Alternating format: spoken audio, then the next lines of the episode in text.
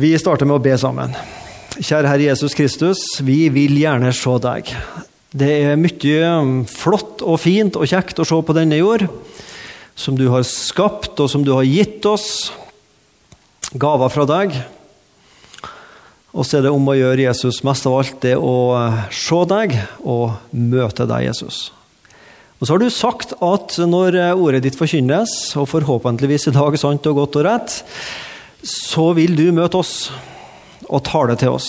Så får vi et møte med deg, vi som er samla her i formiddag. Og så kan vi gå ut med en større Jesus-hjerte.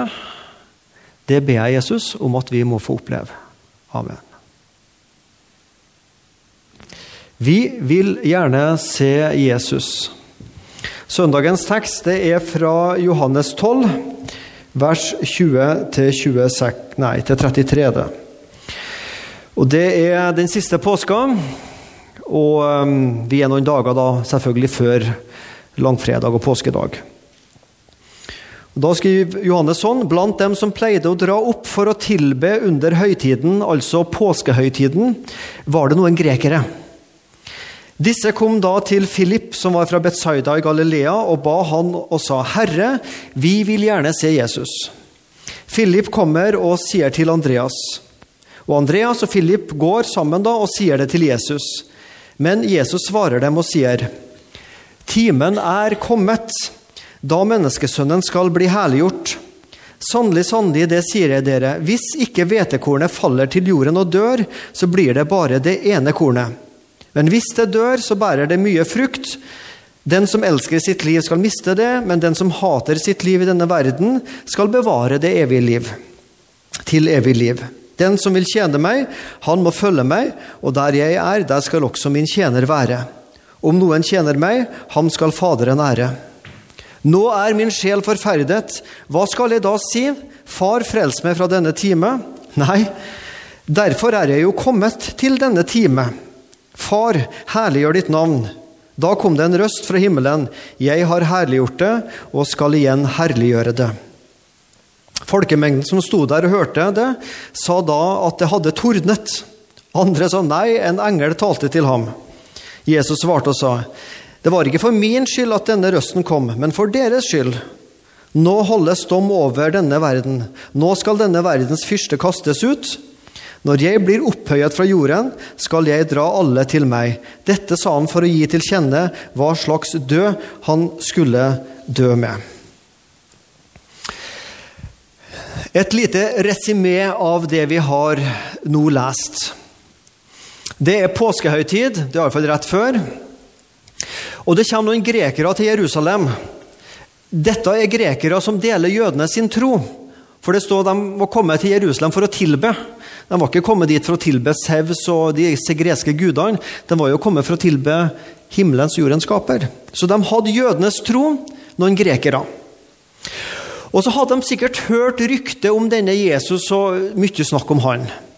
Så de hadde et inderlig, åndelig ønske om å treffe Jesus og slå av en prat med han. Og så plutselig så ser de da en av Jesus sine disipler, Philip. Så går de og snakker med han. Og han klør seg kanskje litt i hodet og går og diskuterer med Andreas. Hva skal vi gjøre nå? Og så går de til Jesus. Og så begynner Jesus å snakke. Og Det ser jo ut først som at det er kun bare Philip og Andreas som har kommet til Jesus. Men når Jesus er ferdig med å snakke, så står det at hele folkemengden Så det strømmer folk til. Når Jesus preika, jo lenger han preika, jo mer folk kom det. Det er akkurat det motsatte av det jeg opplever. Jo lenger jeg preker, jo færre folk blir det. Ikke sant? Men Jesus, jo mer han preka, jo mer folk ble det. Fantastisk. Skulle hatt mer av den. Og så begynner Jesus å forklare om menneskesønnen som skal bli herliggjort, om hvetekornet som må dø for å bære frukt. Altså, Det blir jo ikke noe frukt av noe korn, da, men i, i overført betydning. Det skal skje en vekst. Jesus snakker om kostnaden med å følge han. Han snakker om sin indre kamp med tanke på hva som venter. Min sjel er forferdet. Og midt i Jesus sin tale så bryter Gud inn og snakker. Du verden, for en tale! Og folket, er det torden? Er det en engel? Og så begynner Jesus igjen å snakke om djevelen skal tape når han blir korsfesta, og at i og med korsfestelser så skal mange folk komme til han. For han sier, 'Jeg skal dra alle til meg når han dør'. Det er denne fortellinga i kort resymé. Noen grekere kom da til Philip sa, som var fra Betsaida, og ba ham og sa, 'Herre, vi vil gjerne se, eller vi vil gjerne møte Jesus'. I høst så var jeg med på noe spennende. Det høres ikke så veldig spennende ut, men det ga meg et litt nytt perspektiv. Vi satt sammen i ei gruppe, fire personer, og så fikk vi utdelt en bibeltekst. Og Der var det Jesus, og det var en disippel, og det var kanskje en fariseer. Og så var det fortelleren, altså Matteus eller en av evangelistene. Så skulle vi lese denne bibelfortellinga og ha hver sine roller. Og når vi hadde lest gjennom, skulle vi skifte på. Sånn at hvis du var Jesus første gangen, så var du kanskje fariseer, eller du var en av Jesus sine disipler. Og så var poenget Prøv å legge merke til, sa han som arrangerte dette her, at perspektivet endrer seg litt av hvem du spiller for noen i dette rollespillet når du leser denne teksten. Og nå skal vi gjøre det litt på samme måte. Nå skal vi prøve å leve oss inn i Philip. Og nå skal vi ikke reise tilbake i Jesus' sitt tid, og så skal vi prøve å være Philip. Men nå skal vi være i den tida vi lever i 2012, og så er vi Philip i 2012. Nå går vi inn i hans rolle. Hva er det jeg vil hen? Hva ville du svart om du var Philip? Jeg lurer på om du kan fortelle meg hva kristendom går ut på. Arbeidskollegaen din, kanskje en nabo, kanskje en ufrelst slektning, spør deg plutselig en dag du, kan du fortelle meg hva kristendom går ut på. Hvis jeg vil bli en kristen, hva må jeg gjøre da? Det var jo egentlig det de spor om, disse grekerne. Nå er du Philip i 2012. Hva vil du, hva vil jeg svare hvis en ikke-kristen kommer og spør deg kan du fortelle meg hvordan jeg blir en kristen, eller kan du fortelle meg hva kristendom går ut på? Hva ville du ha svart da? Jeg er sikker på at vi ville ha sagt noe om å bekjenne synd, om å tro på Jesus. Vi ville sikkert sagt noe om å lese i Bibelen, om bønn og det å gå i kirke eller bedehus. Vi ville ha svart et eller annet der. Og Den utfordringa kan vi godt ta med oss, folkens. Hvordan skal, vil du og jeg forklare kristendom uten å høres ut som en telefonselger? Du har ikke hatt telefonselgere på telefonen din, og du hører med en gang når de begynner å lese opp et ferdigskrevet ark. Det hører jeg med en gang, og det gjør du også. Og Hvordan skal du og jeg forklare kristentroa for andre mennesker uten at de begynner å kaste på veldig mye kanonspråk som de ikke skjønner bæret av? Det er en utfordring. Hvordan skal vi hjelpe mennesker til å forstå dette med kristendom? Uten at det høres ut som vi har fått ferdigskrevet manuskript fra generalsekretæren i Misjonssambandet og står og leser opp det. Er du med? Det er en utfordring.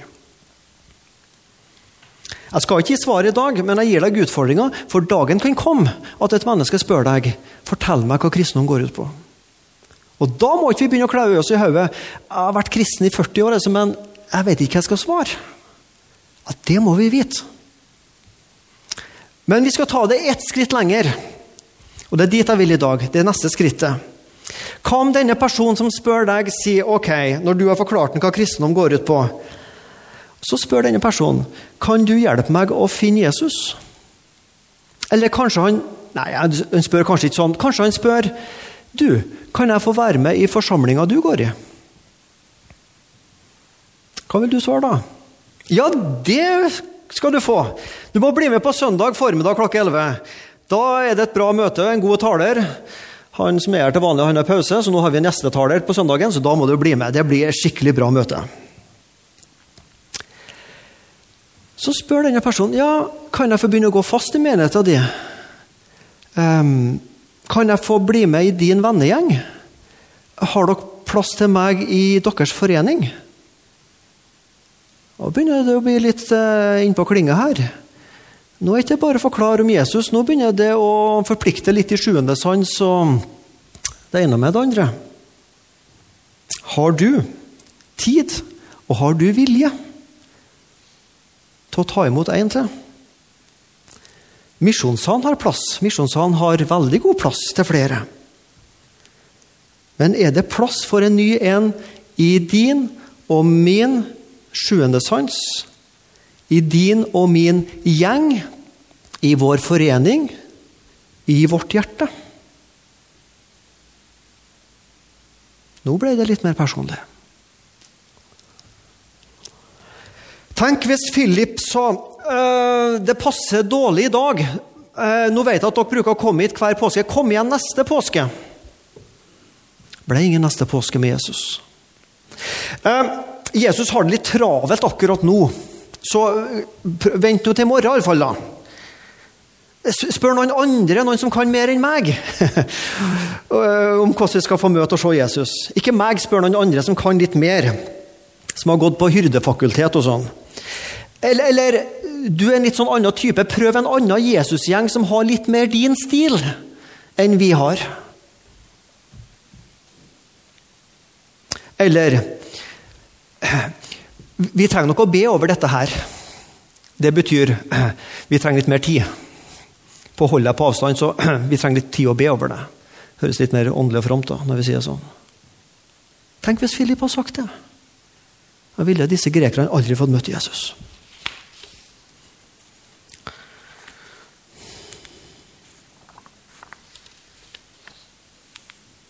Vi vil gjerne se, vi vil gjerne møte Jesus. Det betyr egentlig jeg har lyst til å komme nærmere Jesus.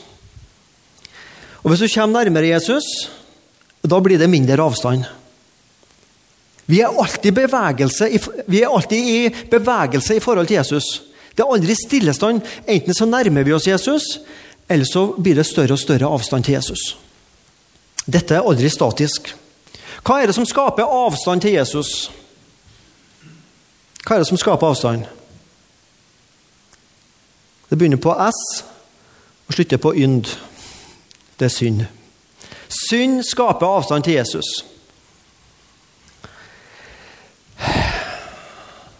Hor, tyveri, festing, drikking, banning Jeg vet ikke hvor godt det treffer en søndag 11-forsamling i Misjonssalen. Altså. Kanskje ikke så mye.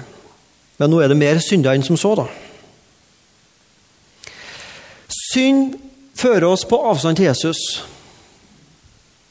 Og det vet vi, vi som sitter her, at det skal vi bekjenne. Og jeg er redd synd. Men jeg er faktisk mer redd at det som fører oss mest på avstand fra Jesus, er ikke synda. Men det er at vi gradvis glir bort ifra Jesus. Mindre bønn, mindre Bibel, mindre fellesskap. Så går åra, og så blir kristenlivet litt sånn mekanisk. Det blir noen sånne ritualer vi gjør. Det blir meninger. Det blir å delta på noen aktiviteter. Det er det å ha et livssyn. Og frelsa blir et regnestykke. Meg en synder, Gud tilgir, og så blir det greit. Og så er gleden borte. Og så er den første kjærlighet borte. Og så blir det mindre samtale med Gud og mindre samtale med andre mennesker om Gud. Og gradvis så skapes det en avstand mellom meg og Jesus. Og så opplever jeg at gradvis så tappes jeg for kraften i kristenlivet. Og så begynner jeg å kjøre kristenlivet på reservetanken.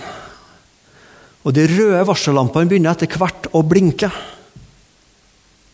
Og til slutt så er det så lite kraft igjen at det blinker nesten ikke i varsellampene lenger.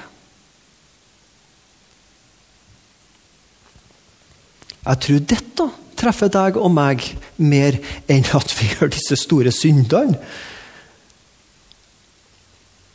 Kanskje er det synda vi sliter med. At vi gradvis prioriterer feil og kommer på avstand fra Jesus. Vi har noen møter i Misjonssalen denne våren som vi har kalt 'Veien til full kraft'. Det fins en vei tilbake til Guds kraft, og den veien går alltid om Guds ord. Den går for det andre alltid om Jesu blod, kraften i Jesu blod, i forsoninga. Vi kan ikke leve et liv i Guds kraft uten forsoninga. Det går en vei om Den hellige ånd som har tatt bolig i vårt hjerte, og som jobber dag og natt for å utvise sin plass i vårt hjerte.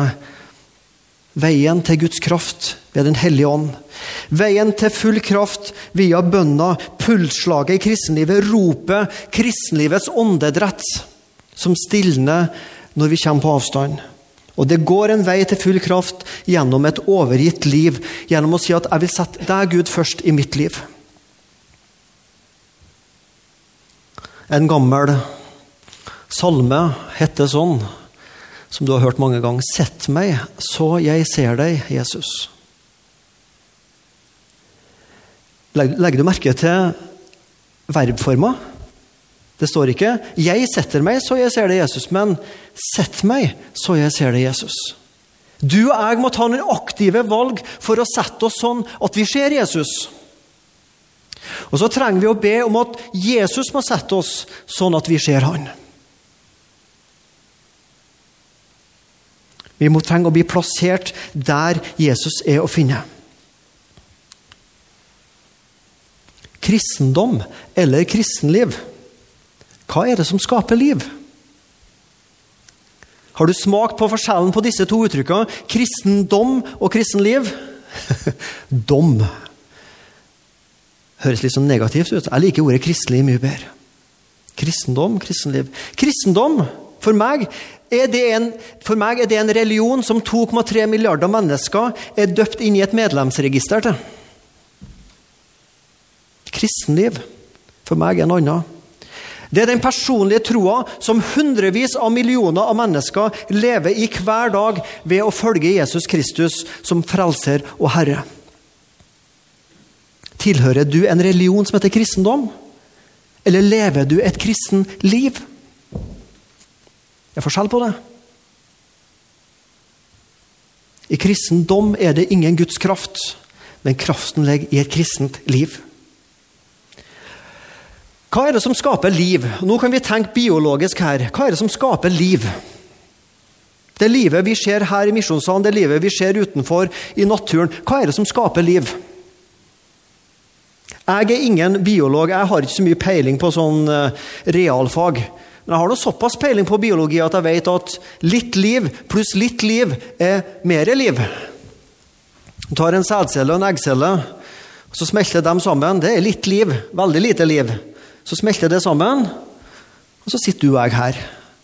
Det er grunnen til at du og jeg er her. Ja, Det visste du på forhånd. Det trenger ikke du at jeg forklarer deg. Litt liv pluss litt liv er mer liv. Det er menneske- og dyreriket. Og så skal vi prøve å overføre dette til det åndelige området. Takk og lov at dette ikke er sant på det åndelige området. At litt meg, litt Gud, blir et nytt liv. Hæ? Litt gode gjerninger fra Svein Anton, og så litt mer da gode gjerninger fra Jesus, og så får vi et nytt åndelig liv. Nei, sånn fungerer det ikke på det åndelige plan. Det fins én måte til å skape liv på. Dette er menneske- og dyreriket. Men i planteriket så er det ofte en annen metode, og den er sånn. Det blir ikke liv uten først å dø. Det blir ikke liv uten først å dø. Hva er det plantene gjør? De tar inn karbondioksid, som dreper deg og meg, og så gir det ut oksygen, som gir deg og meg liv. Jesus tar inn synda som dreper deg og meg, og så gir han ut det som vi trenger. Guds fellesskap, tilgivelse. Det er nåden. At han tar inn det som dreper oss, og gir oss tilbake det som gir oss liv. Og nå er vi jo inne på det Jesus sa. Sannelig, det sier jeg dere, hvis ikke hvetekornet faller i jorden og dør, så blir det bare det ene kornet. Men hvis det dør, så bærer det mye frukt. Da blir det korn, folkens. Jeg hadde bestefedre som var fiskere og gårdbrukere. Så jeg var med av og til når de holdt på og, og sådde. Jeg husker ennå bestefaren min gikk med en sånn taske her og så sådde ut på gode gamlemetoden. ikke sant? Det var før de fikk disse store maskinene. Jeg var med bestefaren min og satt poteter. Og Jeg var med noen måneder senere og drog opp potetplanten. Og den poteten som var satt for noen måneder siden, den hadde ikke så veldig lyst til å sette tennene mine i noen måneder etterpå. Men du verden så mye liv den hadde skapt! Poteten, skap, settepoteten, fører til nye poteter. Kornet legges i jorda og dør og skaper nytt korn. Bær frukt. Dette er det som er sannheten på det åndelige plan. Hvis ikke det først skjer en død, så blir det heller ikke noe liv. Her er det ikke litt meg, litt Gud, og så blir det noe kjempebra. Her er det din og min død og livet fra og Jesus sin død og livet fra Gud, og så blir det et nytt liv.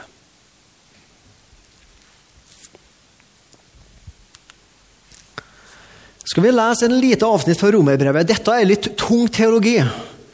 Men når jeg ser utover forsamlinga, så vet jeg at her er det folk som har gått i bedehus i mange år, så dette klarer vi. Her er det Paulus som snakker om en åndelig lov. Om liv og død. Så sier Paulus, 'Jeg kjente ikke synden uten ved loven.' 'For begjæret hadde jeg ikke dersom ikke loven hadde sagt.' For begjæret hadde ikke kjent dersom ikke loven hadde sagt 'du skal ikke begjære'. Men synden benyttet seg av budet og vakte alle slags begjær i meg. For uten lov så er synden død. Jeg levde en gang uten lov, men da budet kom, så våknet synden til live. Jeg derimot døde. Ja, ja, ikke fysisk, men åndelig. Jeg derimot døde, og det viste seg at budet som skulle være til liv, det ble til død for meg. På tur til Misjonshavn så kjører du forbi noen fartsskilt. Og der for så kjører jeg forbi et 70-skilt, eller du kjører forbi et 70-skilt. La oss, nå, la oss nå tenke at det 70-skiltet ikke har stått der. Da var det fri fart. Hvis det ikke hadde stått noe fartsskilt i Norge, så var det kanskje fri fart. Da ville du aldri ha brutt fartsgrensa. Men fordi det står et 70-skilt, og du kjører i 80, så bryter du fartsgrensa. Skiltet gjør deg til en lovbryter. Og da blir spørsmålet er det skiltet er det vondt, siden det gjør deg til en lovbryter. Var det en ond hensikt at det ble satt opp? Nei, selvfølgelig ikke. Hensikten var god. Men i og med at budet står der, at forbudsskiltet står der, så blir du og jeg en lovbryter. Er du med på bildet? Guds bud blir plassert. Var det vondt ment? Nei. Men så lenge vi ikke kjenner loven, så er det heller ingen lovbrudd.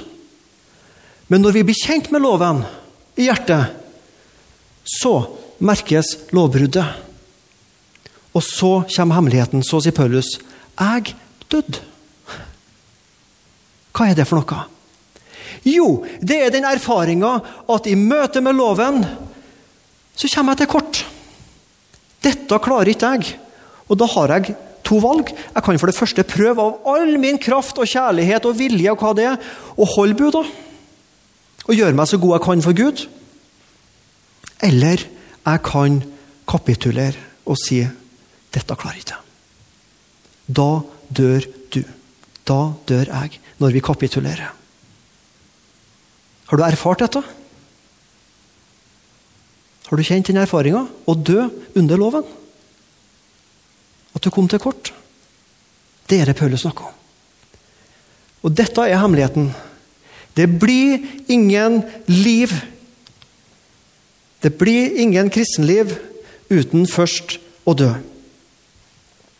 Kristenliv skapes når du og jeg dør under loven, og kristenliv skapes ved Jesu bud. Da budet kom, så våknet synden til live.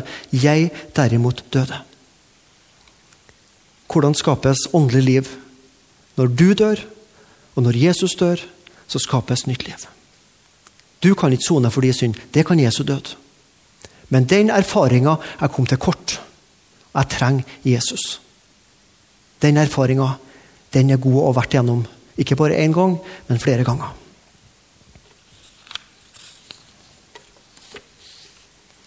Timen er kommet da menneskesønnen skal bli herliggjort, sier Jesus. Derfor er jeg kommet til denne time. Timen er kommet, altså nå skal jeg dø. Timen er kommet da jeg skal dø, og jeg skal bli herliggjort. Smak på det sammen. Død og herlighet.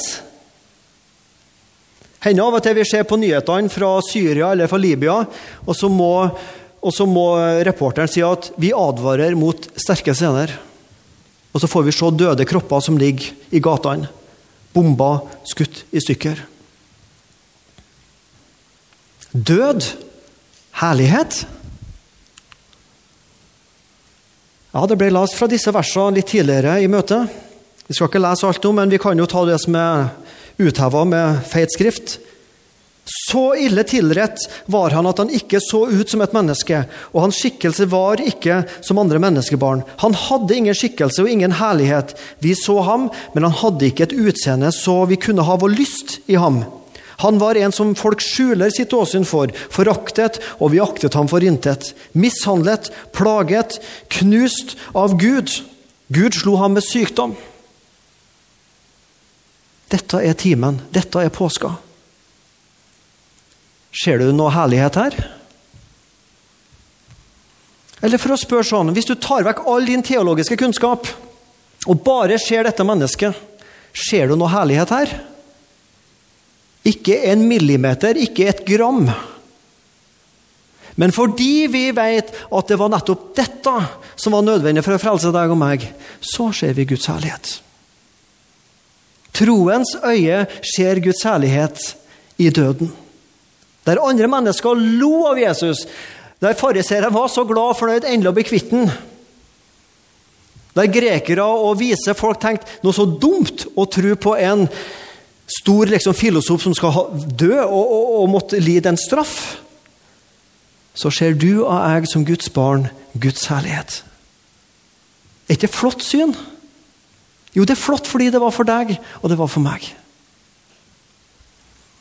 Smak på disse ordene synd, skam, skyld, pine, død, soning, blod. Og som Jesus sa i disse bibelversene, å hate sitt liv i denne verden. La oss tenke oss at vi skulle fått i oppdrag å lage en reklamekampanje for kristendom. Vi skal lage en sånn flott reklameposter eller innslag på TV 2 om kristendom. Hva vil du ha med da? Ville du ha tatt med synd, skam, skyld, pine, død, soning, blod? Ville du ha tatt med det? Jeg tror i hvert veldig få PR-rådgivere som ville råde oss til å gjort det. Men det vi ser her, folkens Kristendom uten det her, og uten den personlige omvendelsen det er kun en kraftløs religion, et liberalt, uforpliktende, egenprodusert etterligning av bibelsk radikal, Jesus-etterfølgende kristenliv. Syns du det var godt sagt? Det syns jeg, så jeg sier det en gang til. Kristendom uten det her og den personlige omvendelsen, det er kun en kraftløs religion, en liberal, uforpliktende, egenprodusert etterligning av bibelsk, radikal, Jesus-etterfølgende kristenliv. Vi vil gjerne se Jesus. er flott. Er det noe som er enda finere? Jesus vil gjerne se deg. Jesus vil gjerne møte deg og meg. Det er enda finere. Philip og Andreas sto opp denne morgenen, og hvis han er lik deg og meg Vel, vel, de var menn og ikke damer. Dere får ha meg unnskyldt, damer, så jeg vet ikke hvor mye tid de brukte på badet. De brukte kanskje lite tid på badet i forhold til mange, men de fleste av oss er noe sånn at vi bruker litt tid på badet.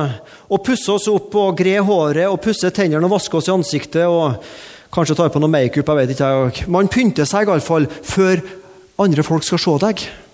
Tenk hvis jeg kommer rett fra senga og hit. Bare hadde på meg slåbroken. Det har ikke tatt seg ut. Det forventes jo litt stil. Når vi skal vise oss offentlig, så vil vi kle oss opp. Det skal se fint ut. Evangeliet det er at Gud møter deg før du har kledd deg opp. Før du har pynta deg før du har gjort deg presentabel. Så har vi ikke bare at Gud har møtt deg før det, men han har akseptert deg før det. Men Gud viser sin kjærlighet til oss ved at Kristus døde for oss da vi hadde skikka oss vel. Det står det ikke. Mens vi ennå var syndere. Mens vi ennå hadde ingenting å komme fram for Gud med, så elska Gud oss. Fantastisk. Gud vil møte deg og meg før vi har ordna oss. Det er evangeliet. Vi vil gjerne se Jesus. Jesus vil gjerne møte deg. Nå, vi, nå er vi på oppløpssida, og du skal få ei litt annen oppløpsside enn du kanskje noen gang har fått her i Misjonssalen fra meg. Hva er den største verdensnyheten siste uke? Whitney Houston. Whitney Houston er død. Det dør folk hver eneste dag. dør tusenvis av mennesker hver dag. Men det er den største nyheten på en måte den siste uka som gikk. Whitney Houston døde. Og Whitney Houston hun ble kjent for denne sangen her.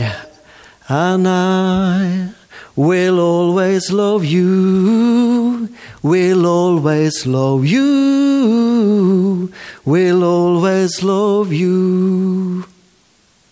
Har du hørt den? Har du hørt O helga natt? Ja, det har du hørt. Har du hørt den med Jussi Bjørling? Når du har hørt Jussi Bjørling synge O helga natt, da blir alle andre som synger O helga natt, det blir en nedtur. Sjøl om det er parelig her på julemessa. Altså. Og når du har hørt Whitney Houston synge 'I Will Always Love You', da blir alle andre versjoner nedtur. Til og med den du hørte nå. jeg hadde jo hørt om Whitney Houston. Jeg har hørt den sangen der. Men så har jeg fulgt med litt i media. Og I avisa Vårt Land så var det gjengitt noe fra et eh, amerikansk nettsted der hun altså dagen før hun døde, skulle ha sagt til flere av sine venner jeg skal se Jesus. Jeg vil så gjerne se Jesus. Hun var populær. Hun var tiljubla. Hun var sikkert rik. Hun bør i hvert fall være det etter å ha solgt 170 millioner plater. Seks Grammy-priser. Grammy det er altså musikk. Oscar det er film, og Grammy det er musikk. Celebritet på alle Grammy-fester.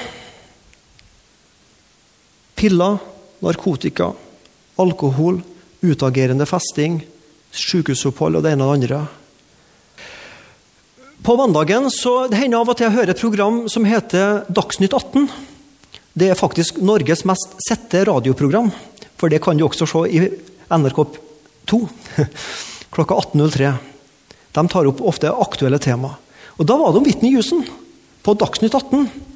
Og så var han der denne forfatteren som heter Håvard Rem. Og så sier Håvard at Whitney og jeg har det til felles at vi begge to er vokst opp i pinsebevegelser. Og så hadde han laga et dikt til Whitney Houston. Og det diktet skal dere få nå. Og så lurer du på alle verden, hva er forsamlingslederen er ute på nå? Et dikt til Whitney Houston i en søndagstale i Misjonssalen. Det var én setning i den diktet som stoppa meg, og som traff meg dypt inni magen. Og jeg tror du vil skjønne hva slags setning det er når du nå hører det. Jeg kan ikke lese dette diktet som Håvard Rem med samme innlevelse. Så du får ikke originalversjonen, men du får ta min. Her er diktet fra Håvard Rem til Whitney Houston. Hun ble altså, La meg forklare tre begrep. Hun ble 48 år. Walk of fame er et uttrykk du møter. Det er sånn å gå på og vise seg fram. Kjoler og, og, og dress og alt det her, hvor flott du er. Grammy det er altså sånn musikkpriser. Og Beverly det er en sånn flott plass i Los Angeles, der de rike bor. Her kommer diktet. 48, 84. Hva er forskjellen, vitne? Vel, et liv som legende på 50 pluss, på walk of fame, hvilende på 80-tallets laurbær, tiljublet, baksnakket på Grammy-fester. Kan du leve med at det er et liv du døde fra? Ja, det kan du. Grammy-fester er nådeløse. I februar er Beverly kaldere enn Oslo. Og Walk of Fame er jo uansett ingenting mot Gullgater-vitne i det nye Jerusalem. Den setningen tok meg.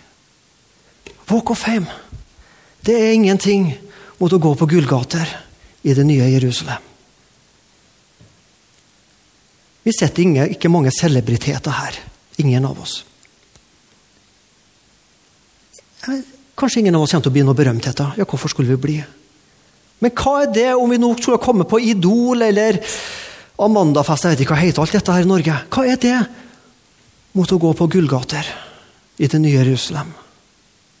Hva vil du gå hen? På gullgater i det nye Jerusalem. Der skal jødene være. Der skal grekerne være som kom og spor Jesus. Der skal Datoga-folk være. Der skal Digo-folket være fra Kenya. Der skal Andreas og Philip være. Skal du, skal jeg være der? Kanskje bli vitne der? Ingen synger 'And I will always love you' som Whitney Houston. Det er ikke helt sant. Det er en som synger 'I will always love you' bedre enn Whitney Houston. En dag så skal du møte han, og så skal han si til deg Vet du det, så får du sette inn ditt eget navn nå. Vet du det, Svein? Jeg elska deg fra evighet av, før du var skapt.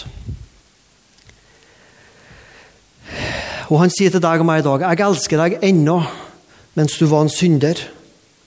Jeg elsker deg så mye at jeg ga livet mitt for deg.